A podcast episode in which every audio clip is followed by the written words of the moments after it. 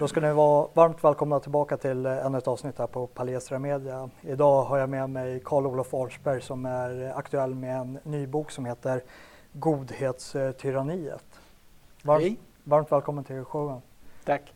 Eh, vi kan ju börja med, eh, dels de flesta som tittar på det här programmet är ju Sverigevänner av ett eller annat slag eller åtminstone intresserade utav Sverigevänliga perspektiv. Ja. Och jag tror att alla våra tittare har någon uppfattning om eh, vad vi menar när vi pratar om godhetsknarkare. Ja. Men skulle du bara kunna lägga ut texten för vad fick det? Ja, alltså det, det finns väl tre ord lite som hör ihop där. Eh, eller kanske fyra, kanske hundra, vad vet jag. Men det var ja. några jag kom att tänka på. När du säger godhetsknarkare så godhetssignalerande som används ganska mycket i synnerhet på engelska, virtue signaling. Ja. Och, eh, Dygdesignalering då på svenska? Ja, det kanske man hellre skulle säga. Och godhetsreligion och det som är titeln på den här boken, Godhetstyranniet. Och i, grundidén är naturligtvis att eh, människor på olika sätt måste demonstrera sin godhet för varandra, sin förträfflighet och visa att vi tillhör inte de onda, vi vill någonting bra här i världen. Och då kan man fråga vad är det som gör detta till en så stark tidsrörelse? Och jag tror att det har med sekulariseringen att göra. Alltså att i ett land som Sverige så är inte längre kristendomen på allvar, även om rötterna är djupa så är det inte kristendomen som automatiskt sätter agendan och då måste vi bygga upp en ny agenda för, eller på sätt och vis en religion alltså. En och i det här fallet råkar det då bli en godhetsreligion. Men själva grunden i det hela det är just att, eh, att eh, vi måste samsas om någonting som vi tycker är gott och konstruktivt.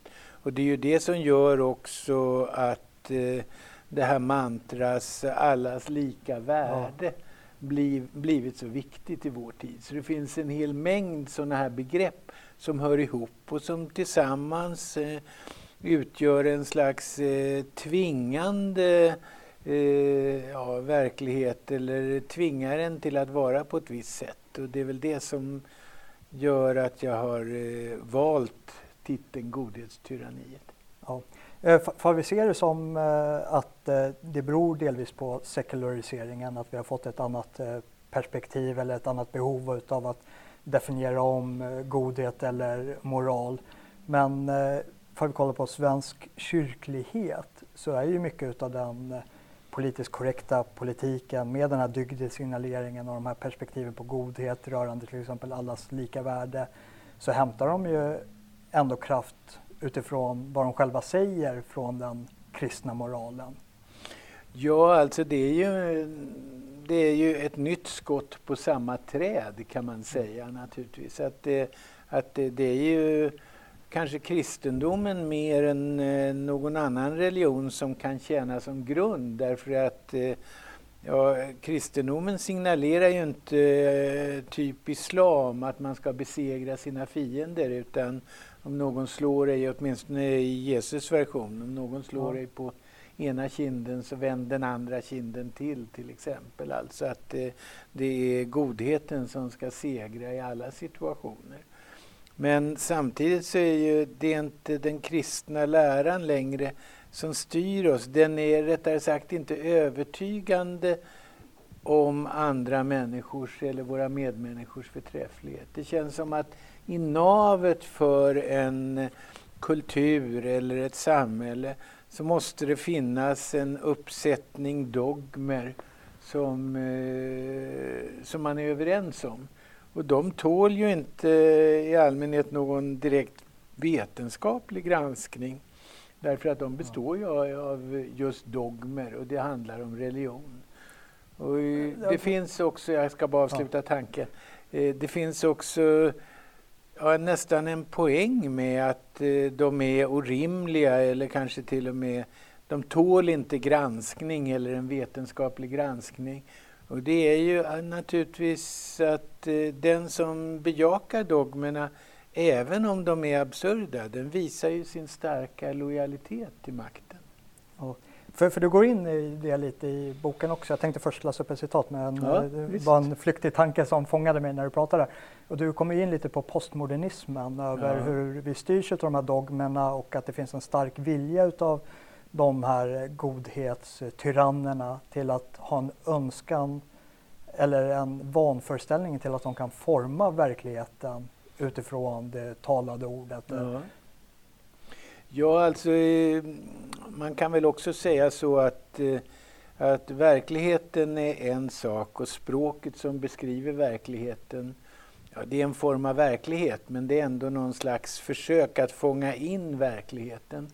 Och vi, eh, vi, ju, vi lever ju både i språket och i en eh, konkret verklighet där upp är upp och ner är ner och varmt och kallt ja. går det inte att definiera om hur som helst och så vidare. Alltså den verklighet som vi delar med andra djur om man så vill. Och eh, det som har hänt är väl i vår tid och i postmodernismen att, eh, att vi har flyttat in i verklighetens beskrivning. Mm. Alltså att eh, det är den som är giltig och i verklighetens beskrivning är som bekant allt möjligt därför att eh, den behöver ju inte bekymra sig om så mycket om vad som är möjligt eller inte möjligt. Och en grunduppfattning är ju att eh, är ju tabula rasa-idén, alltså att, eh, att människan kan formas till vad som helst. Att det är möjligt att eh, att skapa ett samhälle eller att eh, skapa människor som, som går tvärs emot eh, ja, darwinismen till och med om man vill spetsa till det. Alltså att, eh, eh, som påståendet att människor är lika mycket värda, det är fullkomligt absurt. Ja. Eh, vi fortsätter vidare på den, ja. den tråden. Jag tänkte bara för eh, du går in i boken här om godhet och eh, du ger en beskrivning om det om man kan läsa upp på sida 71. Så gott som alla bland oss vet vad godhet är. Det är varken ett eh, svårbegripligt eller omtvistat ord, kanske därför att det ingår i dikotomin gott eh, mot ont. Goda människor vill andra människor väl och gör goda handlingar. Och samhället belönar godhet och det gör religionen också. Sante Per öppnar pärleporten för det goda, om det är kristna. Och det är hemskt att det finns onda människor, men som tur väg uppvägs det utav det goda. Och man kan bara hoppas att det goda är långt fler och att det är det som sitter vid makten. Ja, det är lite sarkastiskt formulerat. Ja, för, för, för det är ju lite... De människor som sitter vid makten håller ju med om liksom det du skriver ja. utifrån det här stycket bara. Men att de känner sig säkerligen lyckligt lottade över att det är de goda som sitter vid makten och de försöker mota Olle i, i grind, vilket är kanske Sverigevänner som betraktas som att utgöra någonting ont för att eh, vi motsätter oss eh, de här dogmerna utav kanske till exempel mm. allas lika värde. Mm. Men alltså problemet med godhet är ju att vi kan inte avgöra vad som är gott och vad som är ont annat än att se till konsekvenserna. Alltså det, då kan vi säga att det är gott med fria gränser eller öppna gränser. Det låter ju jättebra. Men om det betyder att eh, ett lands befolkning eller en nationalstat inte kan försvara sig själv utan upplöses så, så upplöses ju därmed också demokratin och det goda samhälle som fanns innanför de här gränserna.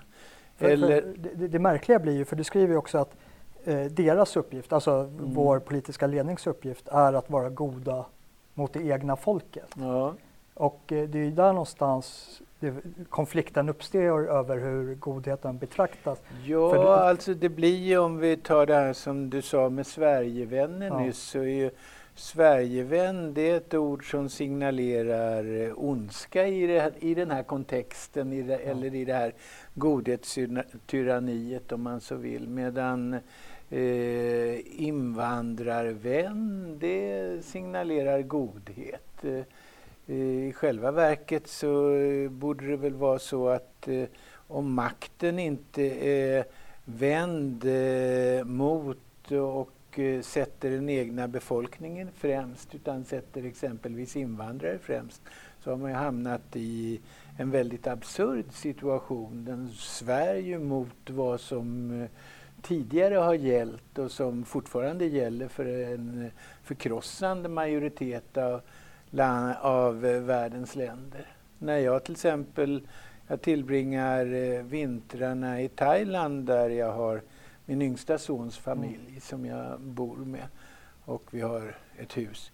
Uh, I Thailand så, vore, så, skulle jag nog aldrig våga gå till domstol med någonting nästan gentemot thailändare om jag hade anledning till det. Därför att risken för att eh, thailändarna skulle vinna, var, eller thailändaren skulle vinna var så uppenbar. Därför att i Thailand är det helt självklart att man sätter den egna befolkningens medlemmar främst. Och det tycker jag är helt riktigt alltså. Där, visserligen, jag tycker som alla andra likhet inför lagen eftersom jag nu råkade nämna eh, en domstolssituation. Men eh, Ja, det där vrids ju åt olika ja. håll och att det skulle vridas emot thailändare då skulle de titta på mig om jag föreslog en sån möjlighet och undra om jag var eh, ja, helt eh, ja, dum eller vad man ska säga. Ja.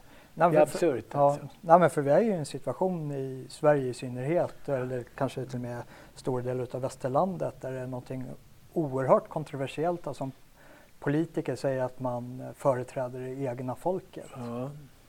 ja, det är djupt egendomligt alltså. Men det är ju en del av en eh, destruktionsprocess. Alltså om du tar till exempel eh, mångfald är någonting positivt enligt det här postmoderna språket. Och vi ska ha ett mångkulturellt samhälle, vi ska ha mångfald och det är värt någonting. Men mångfald är upplösning. Och eh, mångfald kan inte reduceras till ett värde, utan det är ingenting.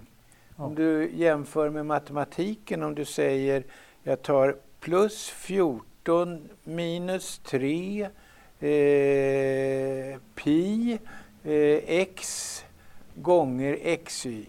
Räkna ut det. Då skulle en matematiker, eller man behöver inte vara det, en gymnasieungdom eh, titta på dig och säga att det går inte, det blir ju ingenting, det här går inte att göra någonting av. Och ungefär så ser det ut om man tar olika kulturer i ett samhälle. Om man tar kurder, svenskar, eh, romer och ett antal olika eh, befolkningsgrupper som alla har sin kultur och sina värderingar. Och så säger vi att vi att det här är ett värde gemensamt de som de representerar. Var och en av dessa representerar värden och kulturer men tillsammans är det lika med upplösning. Det representerar ingenting. Nej.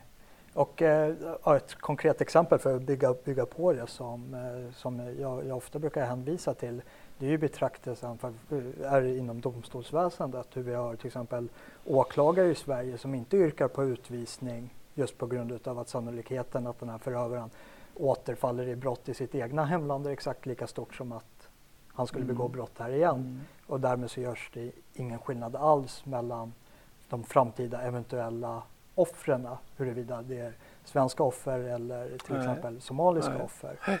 Nej, visst. Vi har ju också den här regeln att eh, man ska inte utvisas till sitt eh, hemland om man riskerar ett dödsstraff där. Nej. Eh, men, eh, och det, det kan ju vid första åsynen låta bra men det är ju inte den svenska regeringen eller svenska myndigheter som eh, utför något dödsstraff utan det är ju någonting som hänger samman med det andra landets ja. myndigheter och sedan om de kommer att göra det, det vet man ju inte. Men att vi ska liksom behålla människor som har begått brott i Sverige och inte utvisa dem av omtanke om vad som eventuellt kan drabba dem efter utvisningen. Det, det är liksom ett logiskt misstag i, i slutledningen. Vi ska naturligtvis se till våra intressen och det är ju ja, det är tragiskt att inte resten av världen ser ut som Sverige, men så är det. Ja. Är, är det någonting som är inom den mänskliga essensen utav den här gruppdynamiken. Du var inne och pratade lite tidigare om eh, tabula rasa och eh, jag, jag ser ju själv eh, det här blanka bladet teori att det ligger nästan som grund över det här inkluderande samhället över ja. att det är ingen skillnad mellan oss och dem. Men är det skillnad i vår essens mellan oss och dem? Alltså gör vi brott mot, inom citattecken i bred bemärkelse, gör vi brott mot naturen genom? Alltså naturen, eh, ja även naturen har ju sett till att vi inte är helt lika. Det syns ju utanpå oss i färger, det syns i andra fysiska drag. Och utan att gå något djupare in på det så är det naturligtvis så att vi ser lite olika ut på insidan av våra huvuden också mentalt, eh, även i biologisk mening. Så vi är inte, inte utbytbara mot varandra.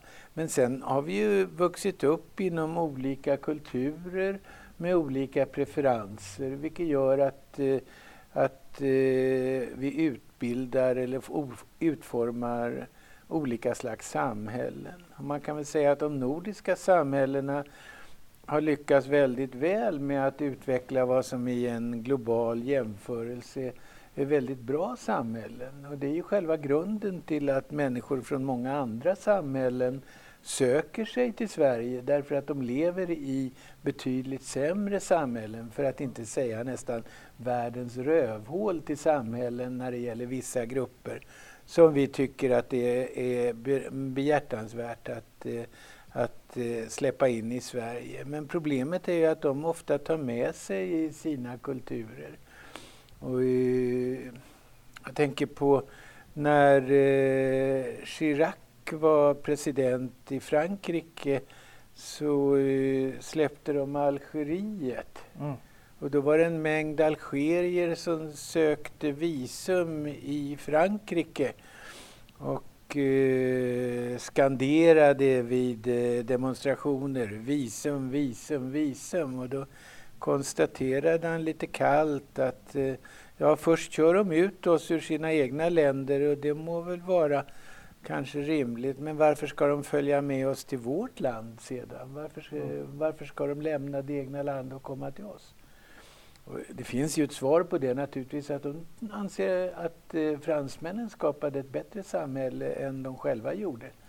Eh, även om man inte sätter det på pränt. Men det är viktigt att komma ihåg att goda samhällen växer ju inte fram av sig själva utan det är en kvalificerad uppgift att bygga upp och vidmakthålla ett eh, kvalificerat samhälle. Jag tror att eh, Ja, ungefär 14 procent var en siffra som jag såg rätt nyligen av världens länder kan med lite god vilja kallas för demokratiska. Ja. Mer är det inte och för oss är det självklart att vi vill leva i ett demokratiskt samhälle.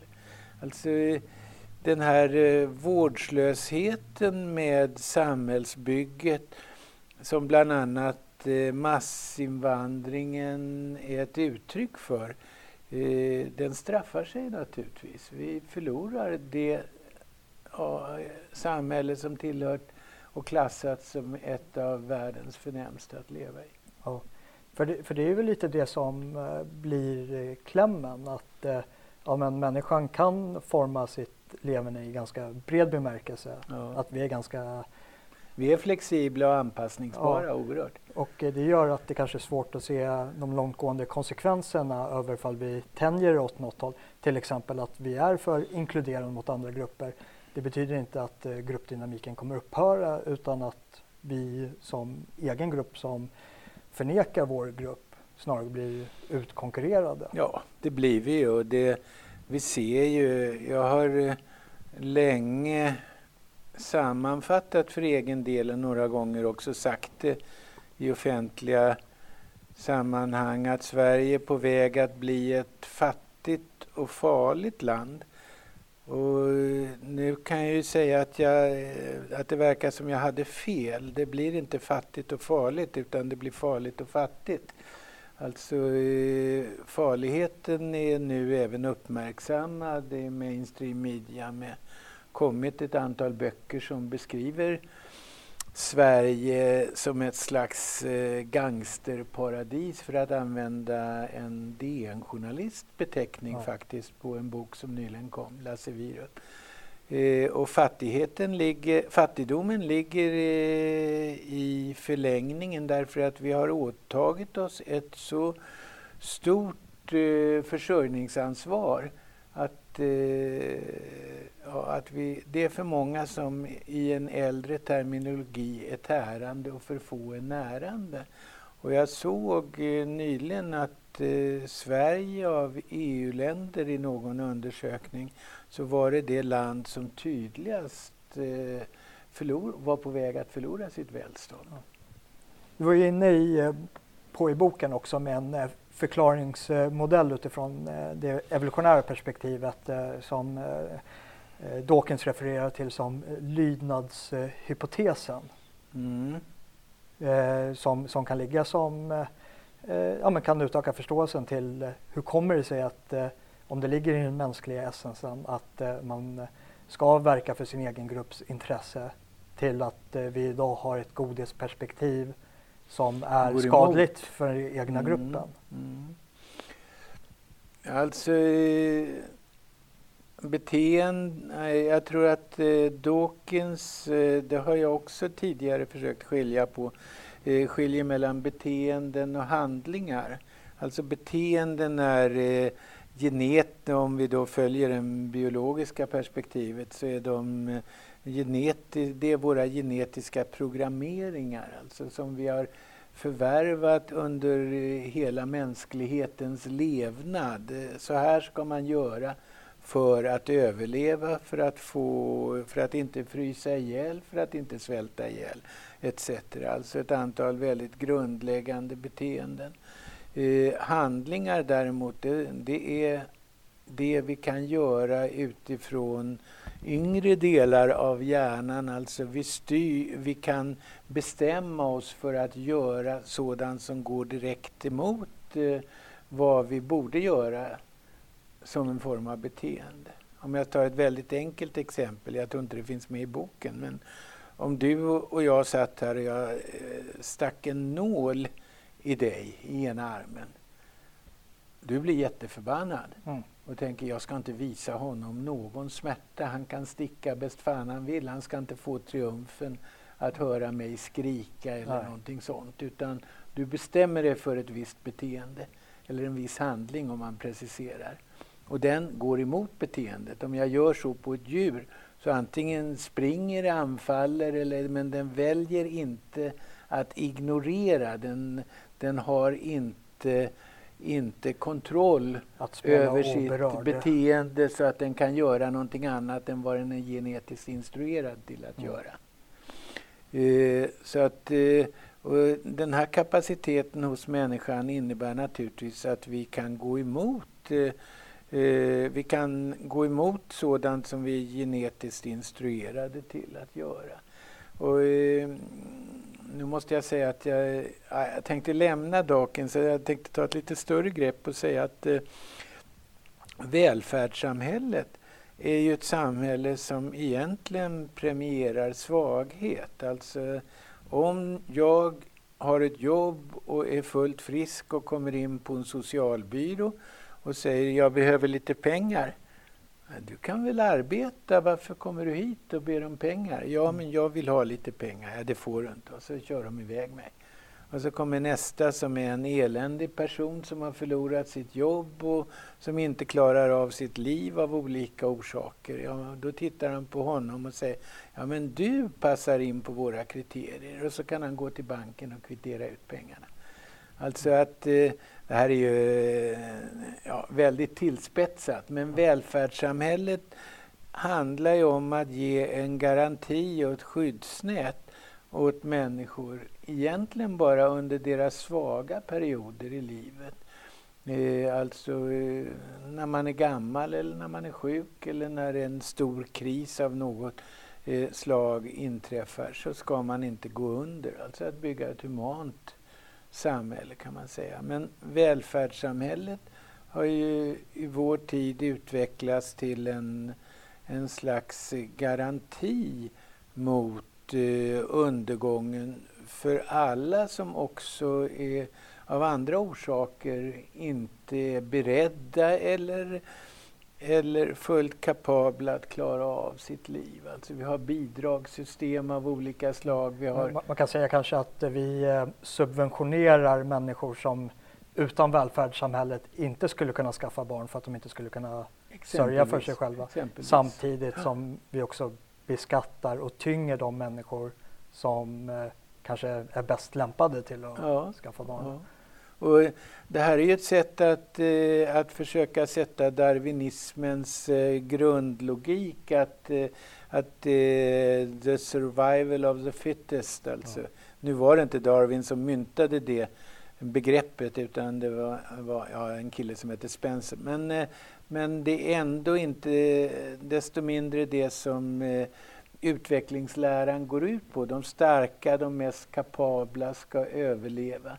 Och då kan man väl säga att det, det skapar ett samhälle som är väldigt grymt och där, eh, där eh, livet är kort och brutalt. Så att vi vill inte ha ett samhälle som inte på något sätt kompenserar den här eh, utvecklingslärans logik. Men vi vill heller inte ha ett samhälle som försöker sätta den ur spel därför att det samhället går under. Och det kan gå under på så sätt att eh, varje, man brukar säga att varje samhälle behöver ett försvar, ett armé, en armé och har den inte sin egen armé så har den något annat lands armé. Alltså att det är en lydstat eller en besegrad stat. Det, det, det går ju också in alltså, utifrån perspektivet att eh, en nation behöver en armé. Ja. Den behöver en armé inte för att skydda sig mot naturens element, även fast kanske hemvärnet Nej. fyller den rollen i samband med katastrofer, utan det är ju för att skydda den mot en annan grupp människor. Som är starkare, ja. eller och, försöker vara starkare. Och ser man då utifrån ett evolutionärt överlevnadsvärde så kanske det finns en egen bindning i att ha någon form av välfärdssamhälle i den egna gruppen så ja. att man kan konkurrera inte bara kvalitativt mot den andra utan även kvantitativt. Ja. Alltså att uh, numerären i den egna flocken blir också en uh, styrkefaktor. Ja.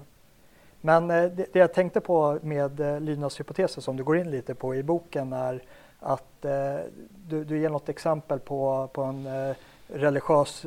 Dels så citerar du Nietzsche, vilket, vilket jag uppskattade, att det det är mer regel i kollektivet. Vansinnet är en, regel i kollektivet. Vansinnet är kollektivt och inte individuellt. Ja, undantaget hos individen. Mm. Mm. Och eh, så, så eh, kopplingen till, eh, till Dawkins i det här avseendet är att vi har ett högt överlevnadsvärde om vi lyder våra föräldrar. Speciellt ja. om de lägger in en tonvikt att det här är viktigt. Ja. Gå inte ut och gör det där. Nej. Och eh, ibland över tid så kommer det in falsk information, alltså information som gör vare sig till eller från för det egna överlevnadsvärdet eller som kanske till och med är till nackdel, alltså går emot egenintresset för att överleva över tid.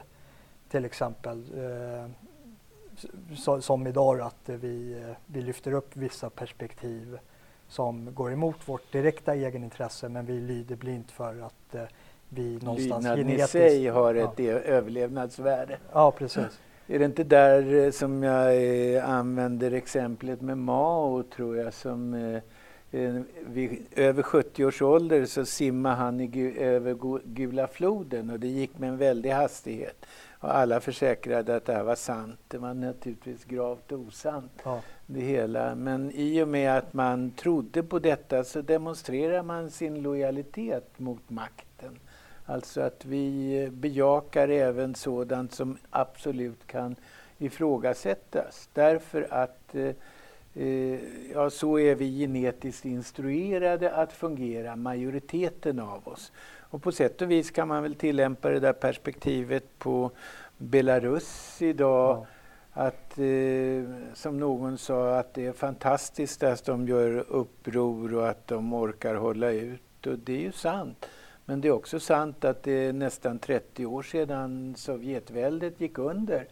Och eh, man gjorde inte uppror i Belarus utan man har tagit 30 år på sig att leva i en, eh, i en totalitär regim innan man börjar på allvar göra uppror. Det är också en form av lydnad och det, om man vänder på det så kan man ju också säga att det, det, går inte att bygga ett samhälle om alla människor är kritiska och öppet revolutionära mot makten och så vidare. Därför att då faller ju allting samman, allting isär. Det måste finnas en majoritet som bejakar makten och inte ifrågasätter den bara för att den gör vissa felslut eller så, och så vidare. Så fungerar människor helt enkelt. Ja.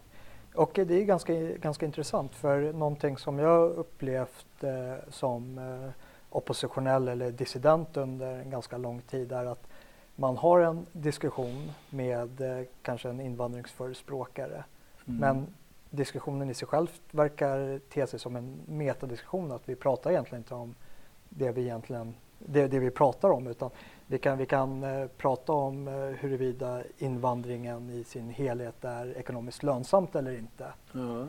Men eh, oavsett fall den massinvandring vi har skulle visa sig vara ekonomiskt lönsam så skulle jag fortfarande opponera mig mot den på grund av andra skäl och eh, den här personen skulle fortsätta försvara den även fast det blev bevisat att det är ekonomiskt eh, olönsamt, ja, även ja. fast han hävdar det till det sista. Ja. Och eh, där någonstans längs vägens gång så blir det som eh, att eh, lögn efter lögn efter lögn uppdagas. Men eh, de... Det uppstår vad som ibland kallas för den nya normaliteten. Då. Och, eh, och det är där jag, jag, jag förstår inte. Och du kanske kan kasta lite ljus på hur en människa kan gå från att försvara det här som en sanning och sen när bevisen blir överväldigande ja. att Så ändå försvarar man det hela? Ja, och eh, ja, inte bara försvara det utan att du vägrar se andra ja. samhälleliga lögner i sin kontext. Ja. det är ju här identitetsfrågan kommer in, alltså man bygger sig en identitet utifrån ja, många olika intryck egentligen. Men men eh, då är man anhängare av ett visst system och det som våra motståndare, alltså som enligt nu är inte jag så sugen på det därför att eh, den klassificeringen därför att jag anser att eh, man bör skilja mellan globalism och nationalism mm. som de krafter som står emot varandra idag. Men om man tar det traditionellt där man talar om höger och vänster så hamnar eh, eh, våra politiska motståndare till vänster. Och, eh, vänstern har en väldigt god retorik men en förfärande praktik om man ser till hur kommunismen gång på gång har eh, som ideologi varit väldigt framgångsrik. Mycket mera framgångsrik än nazismen utan att det på något sätt gör nazismen till en bättre lära. Eh, I att utrota Eh, sina egna befolkningar eh, och begå folkmord. Alltså därför att man tvingar människor till någonting som till ett liv som de inte vill bejaka och för det så måste man ta till totalitära medel. Oh. Men fortfarande är en god retorik med jämlikhet, jämställdhet, rättvisa. De förfogar över alla de goda orden. Och den som tror på orden och inte bryr sig om historien och praktiken har väldigt lätt att falla för detta. Och då i deras eh, perspektiv så är då högern eh, representerar det totalitära faktiskt. Det är inte alltid så att det är logiskt. Men därför att de säger då att nazismen är högern. Eh, riktigt så enkelt är det inte, men så ser det ut i den här retoriken. Och högern är kapitalismen och vi står för det onda och de för det goda. Och om jag då försöker överbevisa ja, en vänsterliberal av det här slaget om att ja, det må vara att du har alla de vackra orden men ni lyckas inte bygga goda samhällen. För det behöver man de här verktygen. Då ska jag locka över den som ser sig själv som god till, till den sida som han eller hon ser som ond. Ja. Hur, och det är ett jättesteg, ja. för då ska den personen också klippa med sin vänkrets allting som har definierat den personens tidigare liv. Ja, det är värt mycket att hålla kvar vid illusionen. Men, ja, eh, det är, ett, det är ett steg man inte, som kostar för mycket, men jag tror inte, jag tror inte man värderar det. Nej. Utan istället för att slippa se att, den, att det egna samhället har har eh, degenererat när det när det drivs politiskt efter de, efter de ideologiska grundsteg som man föreslår och så vidare. Till exempel flyktingvänlighet och alla de här goda orden. Så eh, alltså definierar man om det man ser och vad som är väldigt vanligt i debatten det är att man kan, man kan se problemen, man kan se kriminaliteten till exempel. Men man förklarar inte kriminaliteten och i synnerhet förklarar man den inte med invandringen. Därför att, ja, då säger man de flesta invandrare, vilket är helt rätt, är ju naturligtvis inte kriminella. Men man rör inte vid detta att, de att invandrare, och i synnerhet invandrares barn, alltså andra generationen, ja, de nästan helt dominerar i svenska fängelser och gå in i en rättssal, i en domstol och titta vilka mål som står uppe på tavlan så är det, ja, det är inte många svenska namn som förekommer där. Nej. Alltså det, du har ett samband mellan invandring och kriminalitet. Och det är ett allvarligt samband. Men detta vill man då inte koppla ihop utan okej, okay, vi har invandring, men invandringen har många bra och några dåliga sidor. Och så har vi kriminaliteten och den är för sig. Ja. Och då får, man förstår inte samhället egentligen då därför att då, då eh, beskriver man det men man förklarar inte och man analyserar inte. Och dessutom har man kvar den här godheten då därför att då kan man säga att det är gott att hjälpa flyktingar 65 miljoner människor är på flykt i vår värld och då måste Sverige dra sitt strå till den stacken. Gott, Så, eh, gott för vem? Ja, men eh, det säger man naturligtvis inte utan det är en allmän godhet. Ja. Det är ju, och då skapar man någonting som är ont och då är vi tillbaka till någonting som jag sa för en stund sedan, nämligen att godhet kan inte bedömas som en handling i sig utan godheten klassas efter sina konsekvenser. Ja.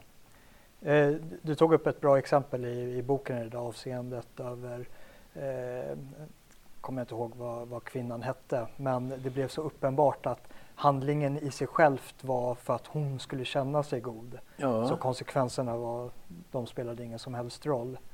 Men, eh, jo men så är det ju alltid. Jag tror att om man sitter och tittar på eh, en tv-show där artister har ställt upp gratis de ställer naturligtvis upp, också upp för PR-värdet ja. och så gör man en insamling till världens barn. Mm. Ja, vad är världens barn? Vad är detta? Alltså det är ju någonting väldigt eh, diffust. Men okej, okay, jag skickar in pengar. Jag skickar in 200 kronor därför att jag tycker inte att några ska svälta i vår mm. värld. Och eh, i synnerhet ska inte barn svälta. Och så skickar man iväg det och så känner, då känner ja, belöningen är ju känslan av att man har gjort någonting bra. Man har gjort någonting gott. Och det är säkert också, också gott men eh, det är mycket mer lättbegripligt om man har kontakt med en riktig människa av kött och blod och säger okej, okay, jag ska bekosta dina studier, du bor i Somalia eller något sånt. Jag, jag vill göra något gott och jag vill göra det för dig. Ja. Konkretisera det. Och det var väl det som blev problemet där med Refugee Welcomes-rörelsen att eh, äntligen så fick eh, många av de här människorna som vill göra gott, ja. faktiska människor vid Stockholms T-central att eh, hjälpa. Ja. Men eh, en av utmaningarna som jag skulle gärna vilja gå in och prata lite med dig om är att vänstern har sin retorik och de, ja. de har nästan fått de har upphovsrätten på den goda retoriken. Och jag ser gång på gång hur en höger hela tiden förhåller sig till vänsterretorik. Ja, och därmed, vi spelar på deras planhalva. Ja, att vi, vi erkänner att ja, men ja. det är gott men konsekvenserna funkar inte. Vi, vi förstår att ni vill väl mm. men vi måste göra så här för att uppnå det här goda. Mm. Hur ser du på det och sen hur, hur, tycker du att man ska bemöta den här vänsterretoriken som är inklädd i den här religiösa skruden utav vad som är moraliskt rätt och vad som är gott? Alltså egentligen är det ju inte så svårt därför att eh, i, i länder där man låter kapitalismen, som inte är en ideologi utan som är en slags eh, eh naturlig konkurrenssituation mellan människor, där man låter den, där man bejakar den, det är ju dit väldigt många vill flytta från inte minst eh, socialistiska länder. Ta USA med sin dragningskraft ja. till exempel. Men USA har ju enorma problem idag. Ja, då. Med, eh, men jag är bara, just, jag går inte in på dem nu Nej. utan jag säger bara USAs eh, dragningskraft under 1900-talet och ja, fortfarande egentligen har varit enorm. Och det är ju det onda systemet. Varför drar det så starkt ja. alltså kan man säga. Varför är det så attraktivt?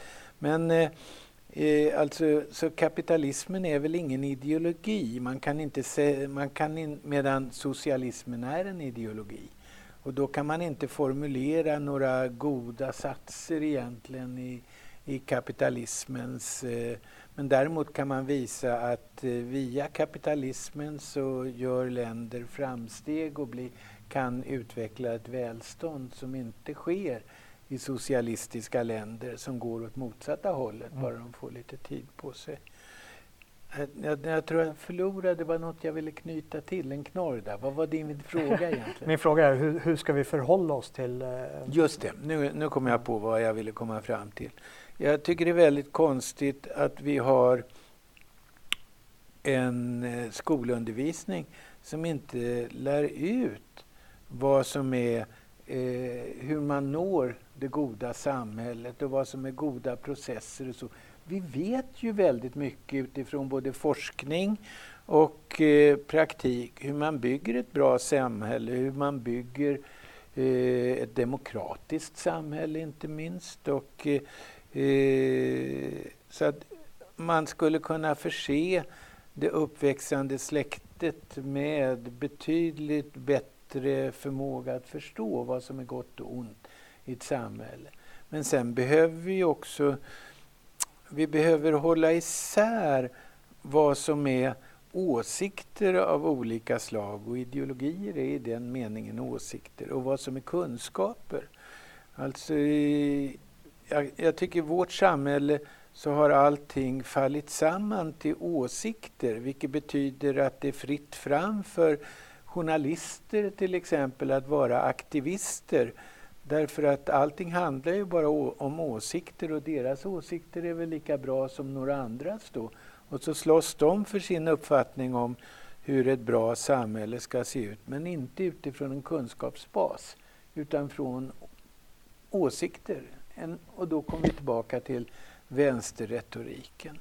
Alltså vi behöver till exempel en, en journalistkår som håller sig på mattan, som inte är aktivister utan beskriver samhället i hela dess bredd. Och för att få en sån journalistkår så behöver vi antingen en utbildning som ser helt annorlunda ut än idag eller ingen utbildning, specialutbildning alls till journalister ja. utan att många olika slags människor som är begåvade och kan skriva kan komma till tals i media. Alltså många röster av helt olika slag. Nu har vi en en eh, mediakår som praktiskt taget hjärntvättar befolkningen med ett politiskt budskap som kör Sverige rätt ner i, mot systemkollapsen. Och detta går ju att bevisa, inte bara en åsikt. Alltså, vi behöver en anna, andra samhälleliga grunder för att förstå vårt samhälle. Men sen behöver vi också två andra saker som eh, är väldigt viktiga. Dels och de är mer av organisatoriskt slag. Vi behöver eh, en konstitutionsdomstol. Som det är idag så tar, eh, tar, har riksdagen all makt. All makt, eh, folkets makt utgår från, eller riksdagen representerar folkets makt. Men vi har ingenting som tar över politikerna. Om politikerna vill genomföra beslut, om de vill skänka 63 miljarder till Tanzania, vilket de faktiskt har gjort mellan åren 1998 och 2015. Och Tanzania är ett land som jag tror att Sverige, svenskar i gemen inte lyckas särskilt bra med att eh, peka ut på en karta, på en blindkarta en gång. Och 63 miljarder, det är inte lite pengar. inte miljoner ja. utan miljarder. Och det var väl och samma sak med, med ANC där också? När det ja, ANC har också ja. fått... Ja, det är alltså det är en mängd saker politiker gör som de aldrig behöver stå till svars för. Därför att vi har ingenting, vi har ingen myndighet eller någon organisation som sätter sig ovanför politikerna och säger det här får ni inte göra. Mm. Alltså, och som representerar då formellt om inte annat folkviljan eller ja. i varje fall en ja, men, men någon, någon, någon, form av maktfördelning som, ja. Eh, som håller vissa parter i schack. Men sedan behöver vi också någonting som man har i Schweiz nämligen och även i Ja, främst, Schweiz är det främsta exemplet och det är beslutande folkomröstningar. Oh. Därför att då kan folket ta över partierna i makt. Och de politiska partierna och politikerna är mycket svagare i Schweiz ja. än för, för, de är, är i det extremt ja. politikerstarka Sverige. För, för i Sverige är folkomröstningar rådgivande. Ja. Men eh, då är det så i Schweiz att eh, de kan också framtvinga ja, en folkomröstning. De kan både framtvinga, både på lokal, de har tre olika nivåer egentligen, men de kan, på alla dessa tre nivåer kan de tvinga fram eh, folkomröstningar och de är beslutande. Eh, och då, då gäller folkets röst. Och när folkets röst gäller och man vet att när som helst kan politikerna överflyglas av eh, folkomröstningar, ja, då blir inte partierna och politikerna så starka som de är hos oss. Sverige är ett, brukar ofta framhållas som ett mycket demokratiskt land. Mera demokratiskt i, i olika mätningar som görs än faktiskt Schweiz och det är helt fel. Vi har ingenting som håller politikerna i öronen och det är också så att eh, när vi faktiskt anordnar folkomröstningar så inte bara så att de är rådgivande och politikerna faktiskt ofta väljer en annan väg än den som folket ger uttryck för. Utan vi anordnar också folkomröstningar med inte bara ja och nej till olika frågor utan vi anordnar suddiga alternativ som man blir i mössan av att eller läsa. Eller som de formulerade eurofolkomröstningen, mm. ja nu eller ja sen. Ja. Schweiz är lite en modell över hur man kan kanske vaccinera sig mot ett överdrivet godhetstyranni. Men eh, som vi nu befinner oss i Sverige, det här drabbar ju väldigt många på eh, individuell nivå och på familjenivå. Hur, ja. hur, hur, tycker du att... Ja, alltså det blir ju en religion och det, jag har ju träffat människor som inte får får umgås med sina barnbarn därför att eh, de står på varsin sida av en politisk klyfta. Äktenskap som går isär, vänskaper som, mm. eh, som inte går att vidmakthålla. Det, det finns mycket smärta i detta och ofta är det, oftast är det så att det är de godhetsreligiösa, om jag använder det ordet, som bryter med eh, sina släktingar eller vänner som inte är beredda att eh, förutsättningslöst eh, bejaka godheten utan ställer frågor. Och då är det naturligtvis den extrema invandringen till Sverige som ofta är en fråga som, som det skär sig om. Ja. Därför att, att människor som upplevt ett annat och etniskt homogent Sverige reagerar när eh, deras samhällen inte alls ser likadana ut idag utan tycker det har blivit sämre. Och då framstår de för de godhetsreligiösa som rasister och främlingsfientliga. Ja, ni känner den här vokabulären som man använder. Ja. Jag läste en uh, intressant uh, krönika av uh, en person som heter Roman Skaskiv och han ja. skrev lite om hur människor förhöll sig under Sovjetunionen. Ja. Att när tidsandan är så att det, det, det, det är liksom överväldigande att du kan inte stå emot det, i alla fall inte i direkt Nej. konfrontation. Att eh, överlevnadsstrategin för många i Sovjet var helt enkelt att eh, skapa sig ett liv som man kunde ställa sig vid lite sidan av och mm. invänta till systemet i sig självt kollapsar utav deras egna lögner, Ja. att de inte orkar Ja. bära sin egen vikt. Ja.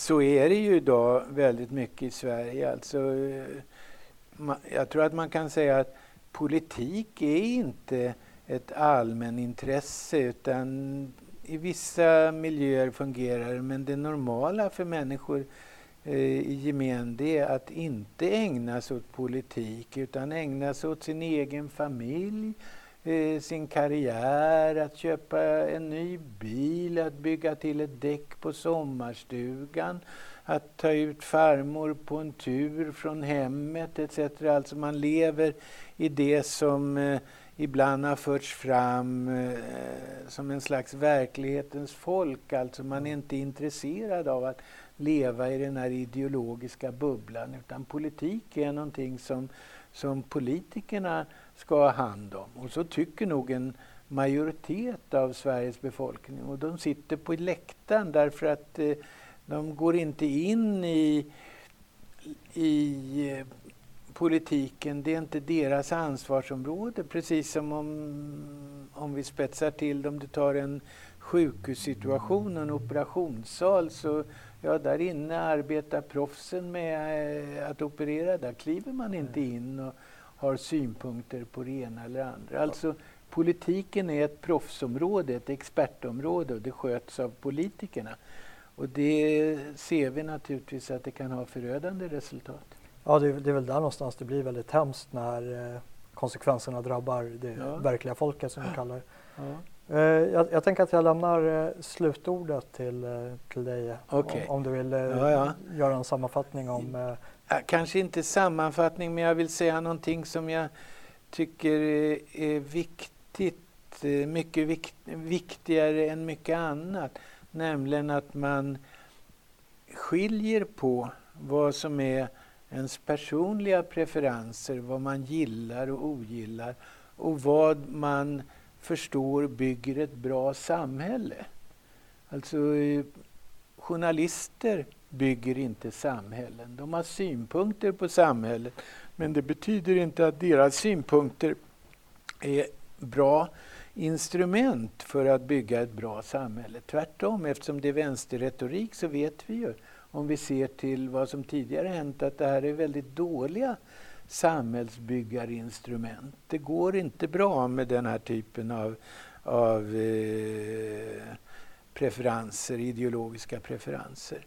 Men alltså jag är ju till min utbildning eh, ja, högutbildad och arbetat på internationella institutioner och lite till, bott eh, ett antal år utomlands. Alltså jag är en, nog en typisk globalist. mm. Jag vill röra mig över världen och jag är inte särskilt eh, ja, nationellt orienterad så att, eh, att jag som person tycker att eh, Sverige är mest underbart i världen och att svenskarna är de mest fantastiska människor som finns och så vidare. Utan eh, eh, jag, jag passar väl in i den här eh, ja, mera moderna globaliserade människan. Och det är ingen tillfällighet att jag om 14 dagar ska åka iväg och bo någon annanstans i världen under ett halvår.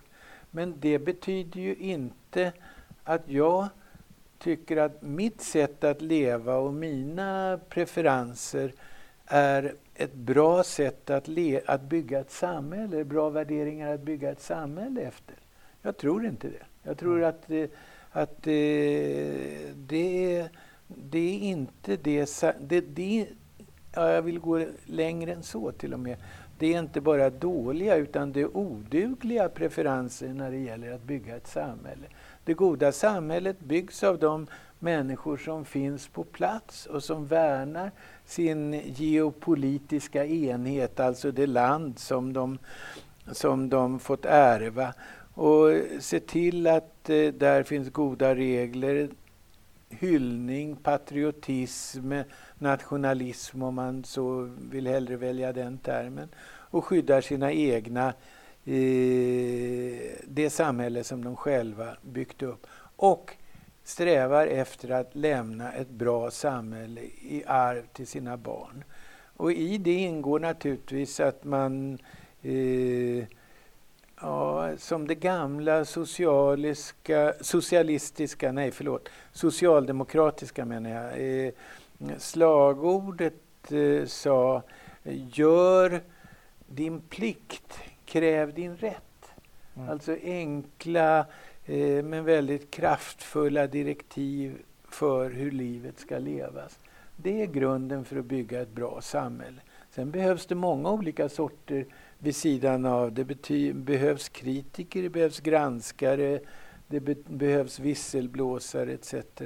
Men det är inte globalisterna och det är inte eh, journalisterna och det är inte kritikerna i första hand som bygger ett bra samhälle. Nej. Utan det är människor som befinner sig på plats och som eh, prioriterar verkligheten framför verklighetens beskrivning. Tack så mycket för att du ville komma och gästa oss. Och, Tack för att jag fick komma. Ja, du, du eh, påminner mig om ett passage som du skrev i boken och eh, för er som är intresserade av boken så kommer jag lägga en länk till den i beskrivningen här under. Och det är just där att Socialdemokratiska gör din plikt att under den tidsperioden så påpekar du också att då var det faktiskt en väldigt grov förolämpning att bli kallad för ett sossfall. Ja, oh ja. Medan det idag inte bara är normaliserat att gå på bidrag utan det är till och med normaliserat att bidragsfuska. Det är inget, inte många mm. människor som höjer på axlarna om... Eh, är det så? Ja, det är, det är min uppfattning i alla ja. fall.